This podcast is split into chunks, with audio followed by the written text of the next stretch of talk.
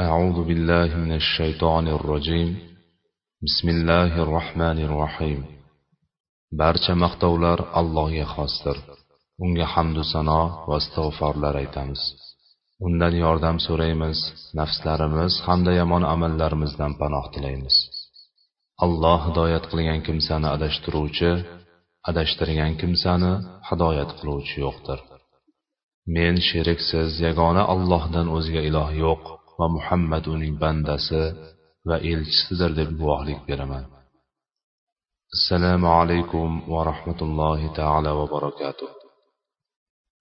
O'tgan darsimizda mo'g'ullarning nishopur shahri va uning ahlini yakson qilishi hirot shahrini vayron va uning xalqini yo'q qilinishi xorazm diyoriga mo'g'ullar bosqini jaloliddin xorazmshoh siyrati balq jangi qobul jangi.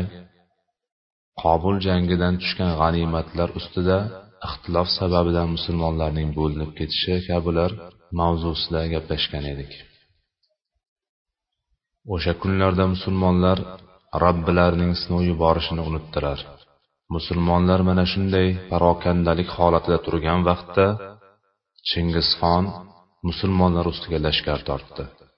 Lashkarning boshida esa bu safar o'zi edi. G'azna va qobilda g'alabaga erishgan musulmonlar buning guvohi bo'lishdi. Bir oz oldin nusrat uzra turgan bo'lsalar endi esa saflari ozaygan qo'shinning qalbiga qo'rquv oralab ko'ngillari cho'kkan va ma'naviyatlari chil parchin bo'lgan edi. Jaloliddin manguberdi lashkarining o'ta kuchsiz holatga tushganini ko'rib chingizxon qo'shinidan chekina boshladi. Jangni qoldirishga kirishib ma'rakadan tisarildi. Lekin chingizxon unga yo'l bermadi. Jaloliddin manguberdi ilgari otasi qilgan ish davlatdan davlatga shahardan shaharga ko'chishni boshladi. Hatto bora bora pokistonning chegarasiga yetib qoldi. Pokiston chegarasi va pokistonni kesib o'tib pokiston bilan hindistonni ajratib turuvchi hind daryosiga yetib keldi. Shu yerda hind daryosidan o'tib hindistonga kirishni qaror qildi. Holbuki uning hindiston bilan aloqasi juda yomon edi. Lekin bu chingizxonga yo'liqishdan ko'ra yaxshiroq edi. Sohilda kema yo'q edi. Kutishga majbur bo'ldi. Shu on to'satdan chingizxon lashkari bilan yetib keldi. Qochay desa ortida daryo. Kema esa bir necha kundan keyin keladi. Urushdan boshqa chora yo'q. Ikki taraf orasida qo'rqinchli va dahshatli jang boshlandi. Bundan oldin sodir bo'lgan janglarning barchasi bu jang oldida go'yo o'yin bo'lib qoldi. Qonli jang uch kun tinimsiz davom etdi. Ikkala guruhdan ham qurbonlar to'lib ketdi. Musulmonlar safida o'lganlardan harot shahrining amiri malikxon ham bor edi. Yodingizda bo'lsa bundan oldingi jangdan keyin sayfiddin buqroq bilan g'animat talashib husumat chiqargan va oqibatda sayfiddin buqroq armiyasini olib jaloliddindan ajralib ketgan edi. Malikxon o'ldirildi. Dunyodan biror narsaga ega bo'lmadi. Hatto qo'lidagi qilichini ham qabrga olib keta olmadi. To'plagan mol dunyosi o'limini bir lahzagada kechiktira olmadi. Lekin musulmonlarga bor kuchi bilan yordam bergan holatda o'lish qayerdayu ularning orasida fitna chiqarib mag'lubiyatiga sabab bo'lib o'lish qayerda doktor sirjoniy ma'lum qilishicha jangning to'rtinchi kuni ikkala taraf talofatning ko'pligidan jangni vaqtincha to'xtatdi. Ikki guruh ham jang hisobotiga kirishadi. Mana shu vaqtinchalik tinchlik vaqtida hind daryosi sohiliga kema kelib qoladi. Jaloliddin ilgari otasi qilganidek fursatdan foydalangan holda zudlik bilan qochib qolishga qaror qilib xos kishilari va yaqinlarini olib kemaga minadi. Hind daryosini kesib o'tib hindiston o'lkasiga yetib oladi. Daryoning g'arbiy sohilida mo'g'ullar bilan birga musulmon davlatlar shahar va qishloqlarni shuningdek u yerdagi fuqarolarni askariy himoyasiz holatda tark qiladi. Mo'g'ullar oddiy fuqaro bilan harbiy askarni orasini ajratmas edi. Ustiga ustak ikki mag'lubiyat natijasi o'laroq chingizxonning qalbida yuzaga kelgan qattiq nafrat adovatni qo'shimcha qilsak bundan so'ng u jaloliddin tashlab qochgan xalqning boshiga neqadar qora kunlarni solishini xulosa qilishimiz mumkin. Bu voqeani doktor muhammad sallabiy ibnul varidiydan naql qilib shunday bayon qiladi. Bu muvaffaqiyatsiz jangda jaloliddin mo'g'illar safini yorib chiqishni o'z oldiga maqsad qilib oldi. U va uning qo'shinidan ba'zilar mo'g'ullar iskanjasidan qochishga muvaffaq bo'ldilar. Lekin u hind daryosiga yuzlanib qolib jon holatda oti bilan daryoga qarab sakradi. Yigirma ziro ko'tarilib daryoning asosiy qismidan o'tgan shu tariqa daryoning sharqiy tomoniga kesib o'tishga muvaffaq bo'lgan edi. Armiyasidan katta miqdori qatl qilingan daryoning sharqiy sohiliga o'tmoqchi bo'lganlarning ko'pchiligi suvga g'arq bo'lgan edi. Xorazm armiyasidan to'rt ming askar o'z jonlarini daryoning sharqiy qirg'og'iga o'tib qutqargan edi. Xuddi qabrdan qo'porilgan nushur ahlidek och va yalang'och edilar deb yozadi nasaviy. Jaloliddinning yetti yosh o'g'li asirga tushdi. Chingizxon bolani otasining ko'z o'ngida o'ldirdi. Jaloliddin sohilga yaqinlashganda sohilning qarama qarshi tomonida onasi ona bir singlisi va ayolini ko'rdi. Ular alloh seni parcha parcha qilsin. Bizni o'ldir bizni asirlikdan qutqar der edilar. Shunda u buyruq qildi. Ya'ni daryoga o'zlarini otishga buyruq qildi. Oqibatda ular daryoga g'arq bo'lishdi. Bu ulkan baxtsizlik va nodir suratdagi ofat edi. Jaloliddin manguberdi hind daryosi bo'yida hijriy 618 yil 30 ramazon melodiy 1221 yil 24 noyabr kuni bo'lgan jangda mag'lubiyatga uchradi. Chingizxon musulmonlar diyoriga odatdagidan ziyoda qattiqroq va bor g'azabini sochdi. Shaharlar orasida chingizxonning lashkari mag'lub bo'lgan g'azna shahri qattiqroq jafo chekdi. Ulkan azob uqubatga giriftor bo'ldi. Shaharning erkaklarini bitta qoldirmay o'ldirdi. Ayollarini asir qul qildi va butun shaharga o't qo'ydi. Ibnul asir rahimaulloh aytganidek bu shahar go'yo kuni kecha obod bo'lmaganidek tomlari yiqilib huvillab qolgan vayronaga aylangan edi. So'zlab o'tishlik o'rinli bo'lgan so'zlardan chingizxon shahar ahli ichidan jaloliddin manguberdining farzandlarini tutib olgan edi. Ularni hammasini so'yishga buyurdi. Yordamsiz tashlab ketilgan millionlarcha xalq tortgan qattiq azobni jaloliddinning o'zi ham totgan edi. Bayhaqiy mursal san'at bilan rivoyat qilgan hadisda rasululloh sollallohu alayhi vasallam dedilar. Istaganing kabi bo'l. Qanday yondoshsang o'shanday yondoshilasan ya'ni hukm qilganing kabi jazo olasan. Chingizxonning o'ta yuksak orzusi ushalgan edi. Ro'yobga chiqishi oson bo'lmagan bu orzu afg'onistonda mahv etilishi edi. Afg'oniston istilo qilinishi nafaqat chingizxonni balki barcha bosqinchi mustabidlarning orzusi edi. Afg'onistonni bosib olinishi islom ummatini yiqitish yo'lidagi jiddiy ahamiyatga ega bo'lgan qadam edi. Afg'onistonning egallanishi bir qator sabablarga ko'ra islom ummati uchun o'ta xatarli dushmanlar uchun o'ta e'tiborli edi. Birinchidan afg'onistonning hujumga imkon bermaydigan tog'li hudud ekanligi bu esa dushmanga kuchli tabiiy g'ov bo'lib qo'shni davlatlarga kirishni qiyinlashtirar edi. Afg'oniston bo'ysundiriladigan bo'lsa pokiston eron va undan so'ng iroq kabi qo'shni davlatlarni bosib olish osonlashar edi. Ikkinchidan afg'onistonni muhim strategik mavqei u osiyoning o'rtasida joylashgandir. Afg'oniston qo'lga kiritilsa butun mintaqalarga uch yuz oltmish gradus burchak ostida ya'ni hamma tomonni bemalol ko'ra olish kuzatish imkoniga ega bo'lardi. Bu bilan pokiston eron rossiya va hindistonni nazorat qila olardi. Shuningdek u xitoyga ham yaqin edi. Afg'oniston egallansa butun osiyoga hukm yurgizish arzimagan ish bo'lardi.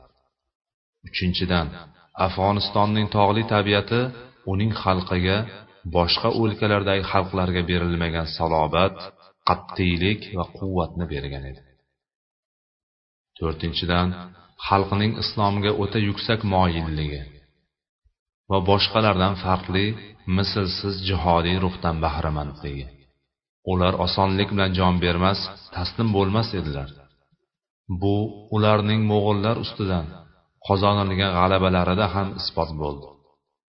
Shu kungacha barcha musulmon jangchilar janglarda mo'g'ullardan yengilib keldi. Ilk bor mo'g'ullar afg'onistonda mag'lubiyatga giriftor bo'ldi. Ular ikki marta yengilgan edi. Afg'onistonning qo'lga kiritilishi antimuslim quvvati uchun ulkan muvaffaqiyat sanalar edi. Beshinchidan bu hodisa islom ummatining ma'naviyatiga dahshatli tarzda salbiy ta'sir ko'rsatgan mo'g'ullarning ma'naviyatiga esa juda katta ijobiy ta'sir etgan edi. Afg'oniston mo'g'ullar uchun o'ta xatarli bekat bo'lib uni bosib olinishi nafaqat afg'oniston ahliga balki umumiy suratda butun islom ummatiga o'ta jiddiy va salbiy ta'sir ko'rsatgan edi. Shunday qilib mo'g'ullar hijriy 617 melodiy 1220 yilda xitoydan boshlab qozog'istonga so'ngra o'zbekiston turkmaniston afg'oniston eron ozarbayjon armaniston undan so'ng gruziyaga kirib borgan edi. Bu achchiq haqiqat barcha tarix kitoblarida sobit bo'lgandir. Mo'g'ullar bir yilning ichida islom olamining ulkan sharqiy qismini egallagan edi. Vala havla vala quvvata illa billah. Mo'g'ullar hijriy 618 sananing boshlarida musulmon meraga shahriga lashkar tortdi. Bu mintaqa ozarbayjonning sharqiy hududida joylashgan edi. Ajablanarli yeri shaharning boshlig'i muslima ayol edi. Nima uchun musulmonlar bunday tahlikali nozik vaqtda davlat boshqaruvini ayol kishiga topshirib qo'yishgan ekan? Mamlakatda boshqaruvga yaroqli erkak kishi qolmaganmikan? Xullas mo'g'ullar shaharni o'rab olishdi. Uning atrofiga manjaniqlarni o'rnatishdi. Va musulmon asirlar vositasida jangni boshladi musulmon asirlar miragani ishg'ol qilishga kirishdi. Ular dunyoda ozgina muddat yashash ilinjida musulmon birodarlarni o'ldira boshladilar agar bu asirlar meragadagi birodarlarni himoya qilib mo'g'illarga qarshi chiqishganida edi oz bo'lsada ba'zi musulmonlar najot topgan bo'lar edi. Lekin sahih tushunchayu sog'lom dunyoqarash yo'qligi ko'zlarini ko'r qilgan edi. Vala havla vala quvvata illa billah. Mo'g'ullar meraga shahriga hijriy 618 yil 4 safar kuni melodiy 1221 yil 6 aprel kuni kirdilar va uning xalqini boshida qilich yurgizdilar. Ibnul asir rahimahulloh aytganidek ulardan beadad va behisob darajada insonlarni qatl qildilar. O'zlariga kerakli va olib ketishga qodir bo'lgan narsalarni talon taroj qildilar. Olib keta olmaganlarini bir joyga to'plab o't qo'ydilar. Hatto baland tepalik barobar qimmatbaho ipakni keltirib o't qo'yishdi. Ibn asir rahimaulloh aytadi bir mo'g'ul xotin musulmon xonadonga kiradi va undagi erkak ayol va bolalardan iborat jamoani o'ldiradi. Ulardan birontasi unga qarshilik qilmaydi. Va meragi xalqining biridan o'z qulog'i bilan eshitganini shunday hikoya qiladi. Bitta mo'g'ul yuzta musulmon erkak bor so'qmoqqa kirdi. Ularni bitta bittadan hammasini qatl qildi. Biron kishi unga qo'l ko'tarmadi. Subhanalloh. Insonlar shu qadar xorlikka giriftor bo'lib o'zlari na ko'pchilik va na ozchilikdan himoya qila olardilar. Alloh azza va jalladan xorlikdan panoh tilaymiz. Bundan so'ng mo'g'ullar iroqning shimolida joylashgan arbil shahriga yurish qilishni reja qildilar. U iroqdagi mosul shahri bilan chegaradosh shahardir. Arbil shahri va uning g'arbida joylashgan mosul shahri aholisini qalblarini qo'rquv chulg'ab olgan edi. Arbil va mosul xalqining ba'zilari mo'g'ullar yo'liga to'g'anoq bo'lmaslikni fikr qildilar. Abbosiylar xalifasi nosirli dinillah mo'g'ullar arbil shahridan voz kechib bododga qarshi yurish qilishdan qo'rquvga tushib seryak bo'la boshladi. U arbil va iroqqa qarashli boshqa shaharlardagi musulmonlarni mo'g'illarga qarshi oyoqqa turishga chaqirdi. Abbosiylar armiyasi tayyorgarlikka kirishdi. Xalifa nosirli dinillah yuz minglab mo'g'ul lashkariga qarshi bor yo'g'i sakkiz yuz kishinigina to'play oldi. Xalifa nosirli dinillahda faqat xalifaning tashqi ko'rinishigina qolgan edi. Abbosiylar armiyasining qo'mondoni muzaffaruddin bu oz sondagi qo'shin bilan mo'g'illarga qarshi jang qila olmasligi aniq edi. U mo'g'illarning yuz minglarcha qo'shinini ko'rgan zahoti ortga chekinishdan o'zga chora topmadi. Biroq juda g'aroyib hodisa yuz berdi. Mo'g'illar bu chekinishni hiyla deb o'yladilar. Bu arzimagan sondagi armiya buyuk islom lashkarining muqaddimasi bo'lishi kerak deb tasavvur qildilar. Chunki buyuk abbosiylar xalifatining qo'shini sakkiz yuz askardan oshmasligi aqlga sig'maydigan ish edi. Mo'g'ullar urushni qoldirishga qaror qilib ular ham ortga chekindilar. Abbosiylar xilofatining dong'i butun olamga yetganida shubha yo'q edi. Shuning uchun xilofatning imkoniyatlari mo'g'illar qalbiga qo'rquv solgan edi. Abbosiylar xilofati boshqa ummatlar qarshisida juda uzun tarixi va buyuk yutuqlari bilan ajralib turar edi. Mo'g'ul davlati bor yo'g'i bir necha o'n yillardan beri yer yuzida paydo bo'lib g'oliblik bayrog'ini ko'tarib kelayotgan abbosiylar xilofatining tarixi esa besh yuz yildan ziyodroq edi. Shuning uchun ham mo'g'ullar abbosiylarning imkoniyatlarini keragidan ortiqcha baholadi va xilofatga bevosita bostirib kirishga botina olmadi. Qatli om degan jangga kirishdi. Munosib vaqtda urush ochish iroqni tang ahvolga solib qo'yuvchi shiddatli zarbalar berish uzoq vaqt qamal qilib zaiflashtirish iroqning atrofidagi amirliklar bilan til biriktirishga qaror qildilar. Mana shu sabablarga ko'ra mo'g'ullar iroqning umrini bir necha yillarga cho'zish uchun ortga chekindilar. Mo'g'ullar tabriz shahrining amiri o'zbek ibn pahlavon bilan tuzgan kelishuvni buzishni qasd qilib erondagi tabrizga qarab yo'l olishdi. Lekin kutilmaganda bu fikrlardan qaytishdi. O'sha kunlarda shaharga shamsiddin attag'roiy ismli yangi boshliq voliylik qilayotgan edi. Bu kishi rahimaulloh dinni va dunyoni yaxshi biluvchi mujohid inson edi. U kishi rohimaulloh odamlarni olloh yo'lidagi jangga hozirlik ko'rishga chaqirdi. Ularning qalblarida zo'ravonlikka qarshi turish tuyg'usini jonlantirdi. Faoliyatsizlik va kuchsizlikning oqibatidan ogohlantirdi. Ularga oldindan nazariy jihatdan bilgan biroq amaliy suratda mutlaqo tatbiq qilmagan narsalarini ta'lim berdi. Shuningdek inson vaqti soati kelmagunicha hargiz o'lmasligi uning rizqi va ajali dunyoga kelishdan ilgari bitib qo'yilganini o'rgatdi. Ular mo'g'ullarga qulluq qilsalar va ularning oldida tiz cho'ksalar ham mo'g'ullar ularni tinch qo'ymasligi musulmonlar faqatgina qo'llariga qilichu qalqon olib o'zlarini himoya qilmasa yer kurrasida ularni himoya qiluvchi boshqa kuch yo'q ekanligini anglatdi. Shamsiddin tavroiyning sa'y harakati natijasi o'laroq tabriz ahlining qalblarida hamiyat shavq to'lqinlandi amirlari bilan birga yurtni qo'rg'onini tuzatib mustahkamladilar. Shahar atrofiga handaqlar qazidilar. Qurol yaroqlarini hozirladilar. Barrikidalar o'rnatdilar. Saflarini tartibladilar. Qavm olloh yo'lida jangga shaylandi.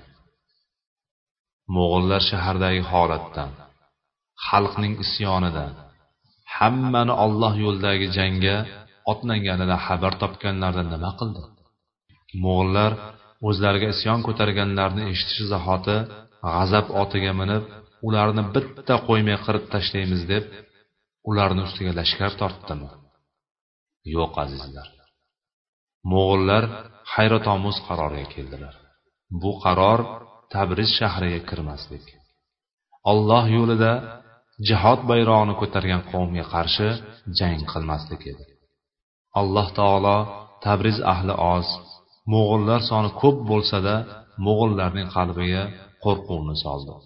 Zero rasululloh sollallohu alayhi vasallam bir oylik masofadan dushmanning qalbiga tushadigan qo'rquv bilan nusratlangan edilar.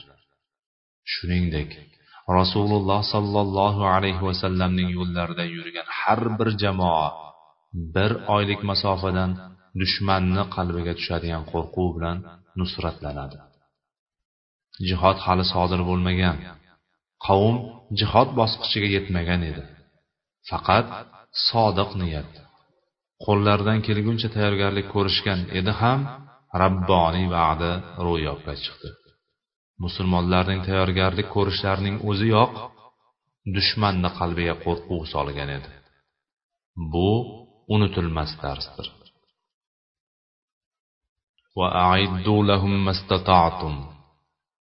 Ey mo'minlar ular uchun imkoningiz boricha tayyorlab qo'yingiz. Ya'ni imkoningiz qadar tayyorgarlik ko'ring. Tabriz xalqi mo'g'ul lashkarining oldida qancha edi? Yoki yer bilan yakson qilingan islom davlatlari va shaharlariga nisbatan qancha edi? Ey mo'minlar ular uchun imkoningiz boricha kuch va egarlangan otlarni tayyorlab qo'yingizki bu bilan allohning va o'zlaringizning dushmanlaringizni hamda ulardan tashqari siz bilmaydigan olloh biladigan boshqa birovlarni ham qo'rquvga solursizlar olloh yo'lida nimani sarf qilsangiz sizlarga zulm qilinmagan holda komil qilib qaytarilur. Anfol surasi oltmishinchi oyat. Bu zulmat ichida porlab turgan nur edi. Alloh taolo shamsuddin at tag'roviyni o'z rahmatiga olsin bu kishi musulmon tabriz shahrida dinni yangiladi kenja shahrida ham ayni hodisa ro'y berdi. Ular olloh yo'lida jihodni e'lon qildi va unga tayyorgarlik ko'rdi. Hinja shahriga birorta mo'g'ul kirmadi. Bu tasodif emas jihod bayrog'ini ko'targan unga tayyorgarlik ko'rgan yurtlarga mo'g'ullar kirishga jur'at qila olmadilar. Takror aytamiz bular tasodif emas balki bu alloh taoloning qonunlaridan bo'lgan bir qonundir. Musulmon shaharlarning barchasi shunday qilganida edi mo'g'illar va ulardan boshqalar musulmonlarning yerlariga najas oyoqlarini bosmagan bo'lar edi. Vallohu alam. Musulmonlar bu shaharlarni yillar davomida himoya qilib keldi. Adatlarining ko'pligi ittifoqligi kelishuvchanligi va boshqalar sababli emas balki sodiq jihod. Pokiza qonlar muxlis beg'ubor qalblar sababidan saqlab keldi. Alloh taolo va'dasiga xilof qilmaydi. Vafo qilmaslik bandalardan sodir bo'ladi. Alloh azza va jalla insonlarga zulm qilmaydi. Lekin insonlar o'zlariga o'zlari zulm qiladilar mo'g'ullar tabriz va kinjani tark qilib kaspiy dengizi sohilidagi hozirgi kundagi ozarbayjonning shimoliy tarafida joylashgan dog'iston va chechenistonga qarab yurdilar. Hozirda rossiyaning iskanjasida bo'lgan bu o'lkalardagi musulmonlarga alloh nusrat va najot bersin. Ushbu o'lkalarda ham mo'g'illar odatlariga ko'ra buzg'unchilik ishlariga kirishdi. Butun mamlakatni vayron qildi. Yo'llarida uchragan aksariyat odamni qatl qildi. Mo'g'illar bosqinidan eng ashaddiy jafo chekkan shahar dog'istonda joylashgan. Hozirgi kunda uni ham rossiya egallab olgan shemaxiy shahri edi deydi doktor sirjoniy agar dunyo xaritasiga nazar solsangiz hozirda shemaxiy degan joy ozarbayjonda shuningdek chelyabin viloyatida bor. Doktor sirjoniy balki o'sha vaqtlar shemaxiy shahri dog'istonga qaraganligini qasd qilgan bo'lishi mumkin. Vikipediyada abul muayyada balxiyning dunyo ajoyibotlari nomli kitobidan naql qilib yozilishicha shemaxiy arran viloyatining shahri bo'lib juda mustahkam joydir. Uning aholisi hayron qolarli darajada dinga mutaassibdirlar. bir ming ikki yuz yigirma ikkinchi yilda mo'g'ul tatarlarning uzoq vaqt qamalidan keyin bosib olingan va vayron qilingan. Arran esa o'n uchinchi asrlarda hozirgi kundagi ozarbayjonning g'arbida joylashgan kavkaz orti mamlakatlariga qaragan bo'lib abbosiylar xalifatiga qarashli mintaqa hisoblanadi mo'g'ullar bu yurtlardagi nasroniylar bilan jang qildi. Musulmonlarga qilgan jinoyatlari qirg'inlarini ularga ham qildi. Hijriy olti yuz o'n sakkizinchi milodiy bir ming ikki yuz yigirma birinchi yilning qolgan oylarida rossiya yerlarini ichkarisigacha kirdilar ma'lumingizki rossiyaning yerlari juda kengdir. Ushbu sanada mo'g'ullar rossiyaning janubi g'arbiy mintaqalarini egalladi. Hijriy olti yuz o'n to'qqizinchi milodiy bir ming ikki yuz yigirma ikkinchi yil mo'g'ullar mustamlakalarini saqlab qolishga harakat qildi va o'sha mintaqalarda hokimiyatini mustahkamladilar. O'sha vaqtlar mo'g'ullar davlati doirasiga kirgan mamlakatlar qozog'iston qirg'iziston tojikiston o'zbekiston turkmaniston pokiston uning sharqiy mintaqasi karmandan tashqari u mintaqaga mo'g'ullar yetib bormagan edi. Butun afg'oniston eronning katta qismi ismoiliya toifasi qo'l ostida bo'lgan g'arbiy qismi bundan mustasno. Ozarbayjon nasroniy armaniston gruziya va rossiyaning janubi g'arbiy mintaqasi edi. Mo'g'ul tatarlar bir yilu bir necha oylar ichida dunyoning mana shu mintaqalarini egallagan edi.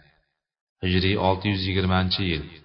Milodiy bir ming ikki yuz yigirma uchinchi yil chingizxonning hukmronligi xorazm davlati va uning atrofiga yoyildi. Hamda rossiyaga hujumlari davom etdi. Ushbu yil mo'g'illar rossiyaga yurish qilish bilan ovora bo'lishdi. Vaqtimiz yakunlab qolganligi sabab darsimizga shu yerda yakun yasaymiz.